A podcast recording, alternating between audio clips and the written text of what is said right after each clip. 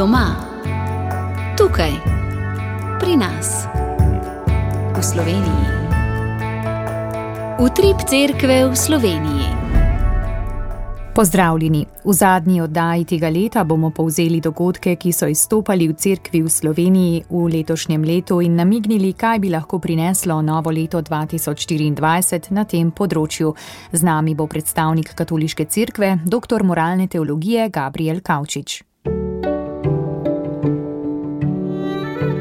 Radijska oznanila.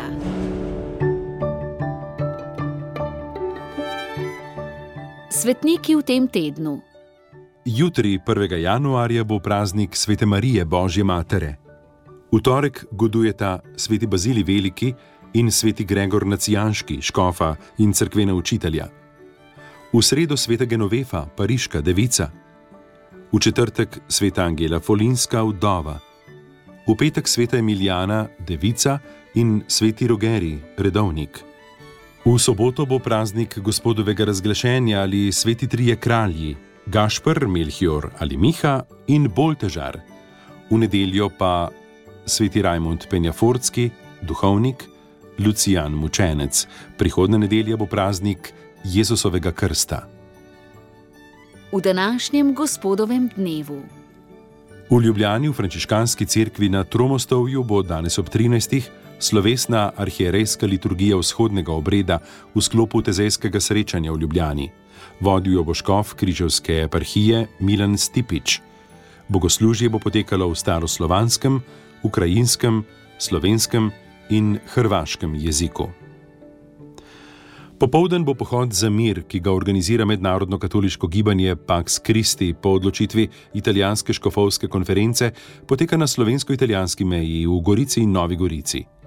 Začetek bo ob 15. na mejnem prehodu v Rožni dolini, ob 20. bodo v konkatedrali v Novi Gorici pričevanja iz Palestine, Izraela in Ukrajine.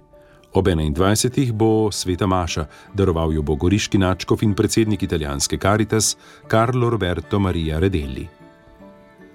Danes popovdan bo v Mariboru, v stolnici svetega Janeza Krstnika ob 17. zahvalna sveta Maša za vse prejete dobrote v letu 2023. Maševal bo Načkov Cvikl. Ponedeljek. Jutri bo novo leto in slovesni praznik Marije Božje Matere. 1. januarja bo tudi svetovni dan miru, že 57. po vrsti, z geslom Umetna inteligenca in mir. Namen apostolata molitve v novem mesecu.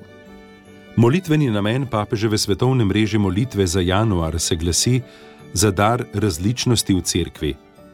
Molimo, da bi Sveti Duh pomagal prepoznati dar različnih karizem v krščanskih skupnostih in odkriti bogatstvo različnih obrednih izročil v katoliški cerkvi. Jutri bo v Mariboru v stolnici svetega Janeza Krstnika ob desetih slovesna maša, daroval jo bo Načkov Cvikl. V Mirni na Dolenskem bo po 11. sveta maša ob 81. obletnici mučeniške smrti blaženega Alozija Grozdeta. Somaševanje bo vodil stiški opat pater Maksimilijan File. Na zaplazu bo jutri o 15. grozdetov molitveni shod. Sveto mašo na Brezjah ob 16. uri, slovesno mašo na praznik bo daroval Načkov Zore. V Ljubljani v stolnici svetega Nikolaja bo slovesna maša ob 16. daroval jo bo Škof Šuštar. Sreda. V sredo bo v celju pri sveti Ceciliji srečanje za bolnike z rakom in druge bolnike ter njihove svojce. Ob 17.30 minut bo rožni venec, ob 18. pa sveta Maša s pričevanjem moža, ki mu je umrla žena zaradi raka. Po Maši bo blagoslov z relikvijami svetega Leopolda Mandiča. Petek. V petek zvečer bo tretji sveti večer pred praznikom svetih treh kraljev. Sobota. V soboto bomo praznovali praznik gospodovega razglašenja. V Ljubljanski stolnici bo slovesna maša ob devetih, daroval jo bo Načkov Zore. V soboto bo v stični ob 18. prvo sobotna pobožnost na fatimski način. Nedelja. Prihodno nedeljo bo praznik Jezusovega krsta. Želimo vam lepo nedeljo in vas vabimo k poslušanju nadaljevanja oddaje Utrip Cerkve v Sloveniji. Drage poslušalke, cenjeni poslušalci, v današnji zadnji oddaji Utrip Cerkve v Sloveniji v tem letu pred mikrofonom pozdravljam dr. Gabriela Kavčiča, tiskovnega predstavnika Slovenske škofovske konference. Bog dej, dober dan, hvala za vabilo. Leto, ki se izteka, je bilo posebno za slovensko krajevno crkvo, najprej potem, da smo obeležili 30 let od ustanovitve samostojne slovenske škofovske konference. V čem še, dr. Gabriel Kavčič? Ja, torej to, kar ste zdaj omenili, to je bil 19. februar leta, torej iztekajočega se leta 23, ko smo v Sloveniji torej praznovali tri, tretjo Eh, tretje desetletje Škofovske konference. Drugače je bilo pa letošnje leto, tako le, ko sem malo razmišljal, izjemno zanimivo, ampak res izjemno zanimivo, tako le se človek spohne, vsaj jaz imam malo težave, da hitro pozabljam stvari. Um, recimo, morda ta prva zadeva še pred tretje, tri, se pravi 30 leti SŠK je bila um, v iztekajočem se prejšnjem letu še um, torej slovo od um, zaslužnega papeža Benedikta XVI. 16. Potem smo imeli Mašo za dušnico še januarja, eh, potem pa je bilo začetek leta se je začel v znamenju Ukrajine, dogajanja s Karitasom še takrat zelo aktualno, potem malo manj skozi leto tudi zaradi katastrof v naši domovini. Potem pa smo imeli, ne pozabimo, vitraj Marija pomagaj v Nazaretu. To je ena taka lepa zadeva, o kateri jo bojo še, še dolga desetletja in stoletja, upamo, lahko opazovali in občudovali v Nazaretu. Marija pomagaj.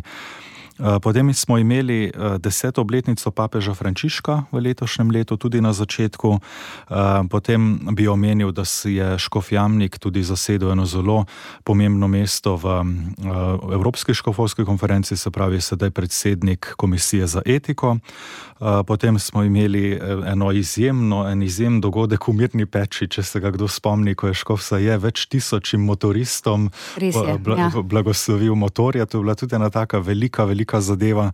Um, potem morda imenovanje nove generalne tajnice Slovenske škofovske konference, sicer že malo prej, ampak nastopila potem aprila uh, svojo novo službo.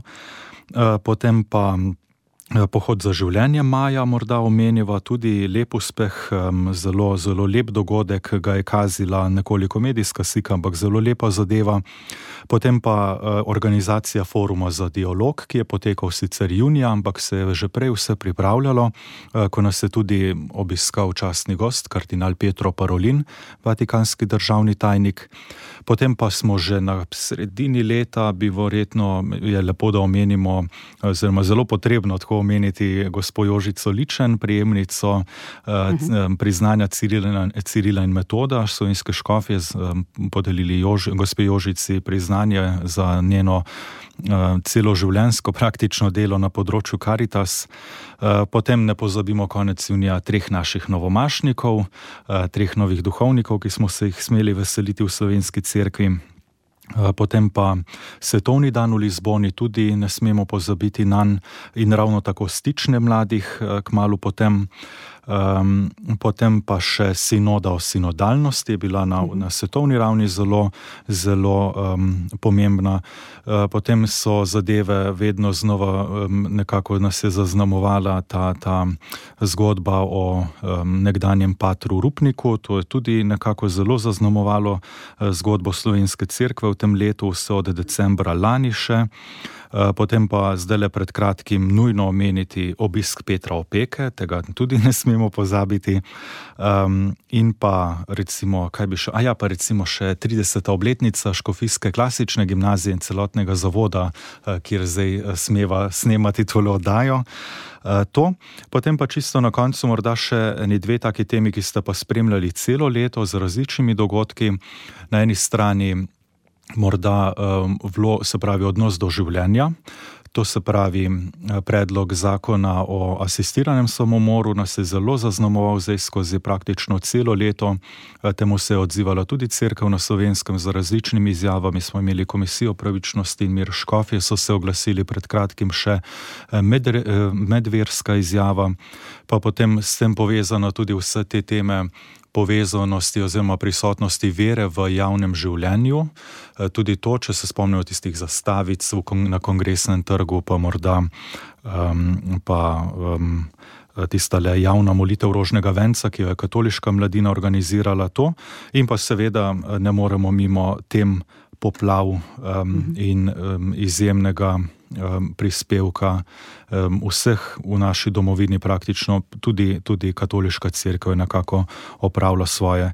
Celotno leto je tudi minilo v, v znamenju Lojzeta Grozdeta, tako smo, smo, smo obeleževali tako imenovano Grozdetovo leto.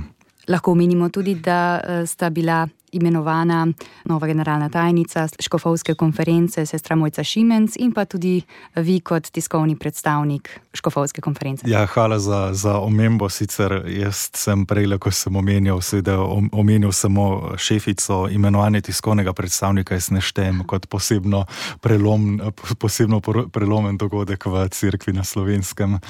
Veliko smo govorili tudi o odnosu med državo in verskimi skupnostmi, kot ste dejali, tudi v luči poplav in plazov, kjer je imela crkva veliko vlogo pri odzivu prizadetim, je ravno potem, kak mesec zatem.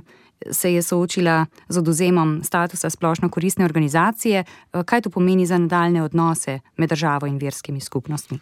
No, to je morda še ena tema, ki se nisem dotaknil, prej pa jo je kar treba omeniti. Namreč um, dialog med crkvijo in državo. Ta je bil tudi zelo aktualen v letošnjem letu. Nasplošno, če se spomnite, je bilo takoj od začetka leta srečanje slovenskih škofov s, premier, s premjerjem Robertom Golobom, eh, kasneje tudi eno srečanje s predsednico republike zdaj um, več na desetine srečanj tudi v ozadju, seveda posebej pri uh, tem, ko se je pripravljalo ali pa nekako forsiralo, skoraj sililo s temi spremembami zakona o verski svobodi. In se mi zdi, um, da ni minilo v dialogu, no, ampak v bolj igranju dialoga. Ne. To sem že večkrat rekel tudi javno, da eno so fotografije dialoga, eno je pa tisti dialog, ki bi dejansko potekal, in glede tega smo že veliko krat razpravljali. Eh, tako da to leto si bomo zapomnili, potem, da, je, da je nastalo kar nekaj fotografij na to temo, medtem ko realni rezultati so bili pa pač taki, kot so bili neusklajeni zakonski predlogi, ki so motili vse verske skupnosti, ne samo katoliške cerkve, ki so potem nekako šli čez parlamentarno sito, brez kakšnih posebnih popravkov. Zdaj to pomeni, seveda, pozitivno gledano um, delo za naprej in to delo se že začenja. Uh, v negativnem pa seveda pomeni tudi eno določen um, grenak priokus pri tej temi.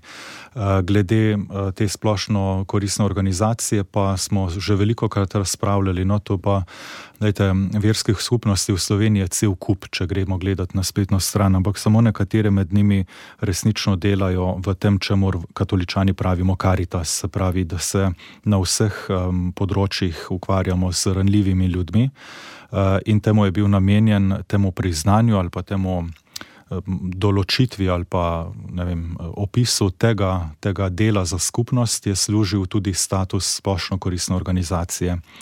Zdaj smo pa tam, kjer so prispevki za verske delavce znižani, eh, predvsem pa poenoteni, tako da ni vez, nima veze, je to nekdo, eh, ki resnično zelo, zelo veliko pripomore, kot smo videli pri poplavah, naprimer eh, k nekemu družbenemu življenju v naši državi, ali pa je to pač nekdo, ki mu je uspelo priti čez sito, ko se registrira verske skupnosti. Tukaj zopet ponavljam nek grenak priokus.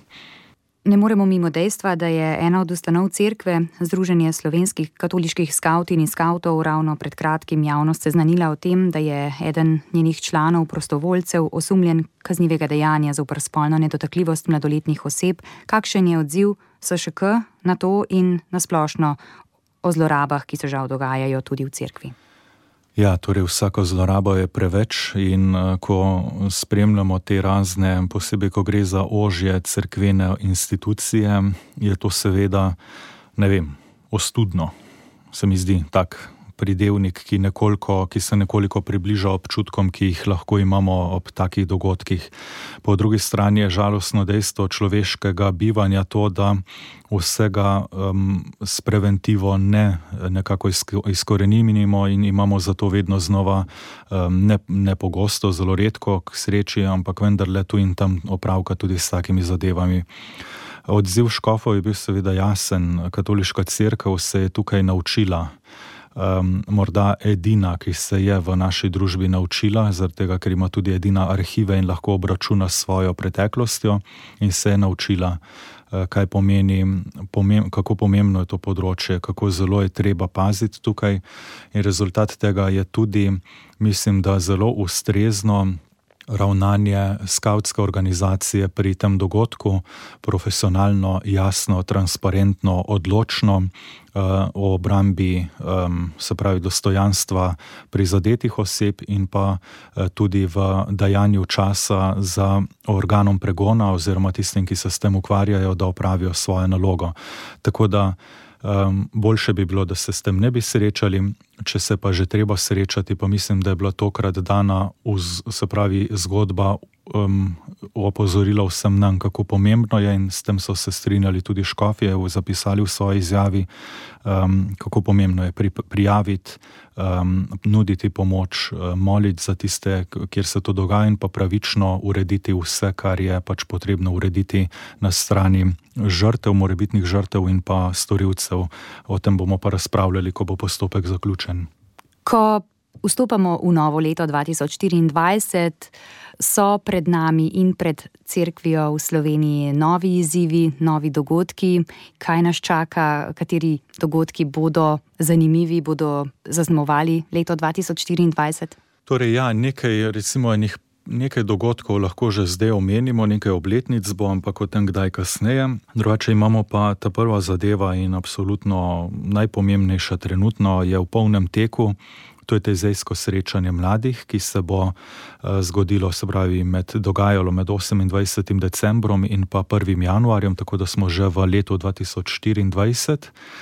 Potem pa bo recimo prihodne leto v znamenju um, priprav na sveto leto 2025, jubilejno leto 2025, ko bo objavljena papeška bula na to temo, uh, potem tudi odprtje svetih rad, če se ne motim. To recimo, potem pa, uh, potem pa seveda nadaljevanje na vseh zadanih projektih, od mladinske postorale, stične mladih in tako naprej, do raznih slovesnosti. Zdaj, ko sem se pogovarjal z mojimi sobrati uh, v, v Koperski škofiji, so rekli, nujno moraš omeniti tudi, da pričakujemo imenovanje Koperskega škofa, seveda to nekako slovenska crkva trenutno utripa v tem pričakovanju, vključno s uh, gospodom Škofom Jurijem in pa to sicer ni crkvena zadeva, ampak olimpijske igre vseeno lahko omeniva. To je pa tudi nekaj, kar ljudi združuje. Ja, in navijanje za naše športnike. Doktor Gabriel Kavčič, morda ob zaključku tega leta pred nami je drugi sveti večer, še vaša sklepna misel za vse poslušalce. Ja, se mi zdi, no, v tem času, v katerem smo, ko divja nekako, uh, divjajo vojne zunaj nas in znotraj nas, metaforično rečeno, marsikdaj, da bi res upam, da smo, da smo doživeli, uh, da smo globoko doživeli božični praznik, ki je za nami, eh, in da bi to nadaljevali tudi skozi drugi in tretji sveti večer, obojali ob tem našo slovensko identiteto, slovenske tradicije, eh, se pravi, po domače povedano, čim manj eh, tistega, čemu se okrog božiča reče, da, da, da božiček nosi darila, ne pa, pa da si med prazniki polnimo, da se polnimo s pozitivno energijo. Ne, naj bodo sveti večeri resnično krščanski, naj bodo zaznamovani z obiskom svetih obredov, za nami je že polnočnica, zdaj prideta še oba sveta večera pred nas. Um, da bi res um, uspeli no, um, se vračati k tistemu, kar res praznujemo, namreč Božič, potem pa um, Marijo ne, na, prvi dan, na prvi dan novega leta in pa svetiti kralje kot gospodovo razglašenje, zavedojoč se, da da naša vera ni zaprta v neki votlinici, tam v sveti deželi, ampak da nagovarja vse narode tega sveta. Tako, to, to bi res želel, da se na eni strani res spočijemo, če čemer največkrat govorimo, pa da bi tudi, da bi tudi nabrali novih duhovnih moči, novega miru, potem za, za novo leto in da bi jih nabirali ob Gospodu, ne pa ob um, vseh drugih stvarih, ki jih um, tako um, ponuja svet, pa nam običajno ne da tistega, kar, kar uh, pravzaprav pričakujemo. Hvala, dr. Gabriel Kavčič, tiskovni predstavnik Slovenske škofovske konference za pogovor. Vse dobro tudi vam v novem letu. Želje mi, da bomo še naprej dobro sodelovali. Hvala tudi vam za vabilo in pa za naslednje leto, ko so ravno pri tem še um, začenjamo vstopanje v jubilej Radio Ognišče. Tako da ja, um, počasi tudi ta priprava in naj to šteje še za odgovor za naslednje dogodke med, v naslednjem letu. Srečno vsem! Spremljate oddajo Utrip Cerkve v Sloveniji.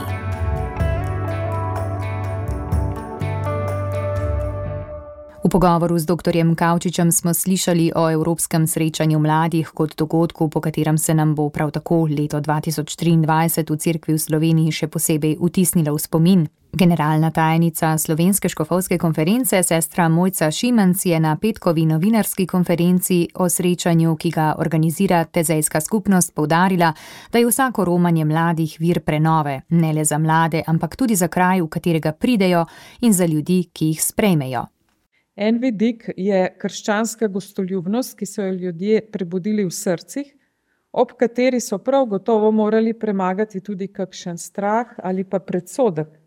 Drugi vidik pa je tudi mreža sodelovanja, ki se je vzpostavila ob pomoči pripravljalne skupine, ki je vključila to dogajanje zelo veliko ljudi prav na terenu, torej v mestu Ljubljani in okolici, ki je vključevala različne ustanove, različne a, strokovne službe, ne samo recimo župnije ali vernike, ja, ampak zelo širok spektr ljudi. No, ob pripravljalni skupini, ki smo jo spoznali v tem času, smo začutili dejansko ekumenski duh Tezeja, se pravi povezovanje ljudi, ki verujejo v Boga, kljub nekim različnim zgodovinskim ali kulturnim razlikam. No, potem je pa še ta beseda sinodalnost, ki jo v tem obdobju pogosto omenjamo. Tukaj pa vidim, da je tezejsko srečanje v resnici sinodalno srečanje morda v tistem delu sinodalne poti, ki govori o cerkvi kot skupnosti ali pa o cerkvah, torej o potovanju ljudi, ki so na skupni poti in poklicani, da prinašajo veselo sporočilo Evangelija. On govori o ljudeh, ki potujejo kot skupnost, ki naredijo prvi korak, se vključijo, spremljajo, obrodijo sad in praznujejo. Tako, tudi ta proces smo tudi mi videli, se pravi, prvi korak, pobudo za srečanje, ki se je zgodila na lanskem srečanju mladih, potem gostitelji, mladi in širok krok sodelavcev, ki so se vključili v to dogajanje, potem tezejska skupnost in njihovi sodelavci, ki so spremljali ta dogodek skupaj z domačo crkvijo oziroma crkvami. Potem pa veselje, praznovanje, ki nas čaka v samem dogodku, v crkvah in potem v stožicah, In da zaključim z upanjem, da se bodo sadovi tega dogodka zares, da bodo nekako ostali ne samo v Ljubljani in Sloveniji, in potem, ampak potem tudi z mladimi odšli nazaj po vsej Evropi. Mladim romarjem, približno 5000 jih je iz različnih evropskih držav, sta dobrodošlico v Ljubljani izrekla tudi gostitelj srečanja Ljubljanski načkov Stanislav Zore in predsednik Slovenske škofovske konference Škof Andrej Saje. Mladi, ki prihajajo, izrekam najprej iskreno dobrodošlico in jim želim, da bi naše mesto in njegovo okolico, pa tudi našo crkvo, župnije in naše vernike spoznali v naši najboljši podobi. Da bi doživeli veliko lepega, prijaznega, da bi domov odhajali obogateni, predvsem pa, da bi jih nagovarjalo srečanje samo bodi si srečanja v družinah, bodi si srečanja po župnijah in seveda tudi srečanja v stožicah. To je velika priložnost, za crkvo na slovenskem in za slovensko družbo, da pokažemo gostoljubje, da odpremo vrata ne samo hiše, ampak tudi svojega srca. Večina teh mladih bo živela po družinah, se pravi, se bo srečala s konkretnimi družinami, predvsem v Ljubljani in okolici. Hvaležen sem vsem, ki so mlade sprejeli, ki sodelujejo pri tem zelo velikem projektu, ki je to projekt ne samo crkve, ampak tudi širše družbene skupnosti. Gre predvsem za pomen ekumenizma, potem gre za dialog, gre za to, da se srečujemo, da se povezujemo med seboj, da praznujemo skupaj. Temi željami zaključujemo tokratno oddajo Utrip Cerkve v Sloveniji, ki sem jo pripravila Petra Stopar. Hvala za pozornost in vse dobro v letu, ki prihaja, ko se bomo spet slišali v oddaji v nedeljo 7. januarja. Oddaja vam je na voljo tudi med podcasti in v našem audio arhivu. Obiščite radio.ognisce.si.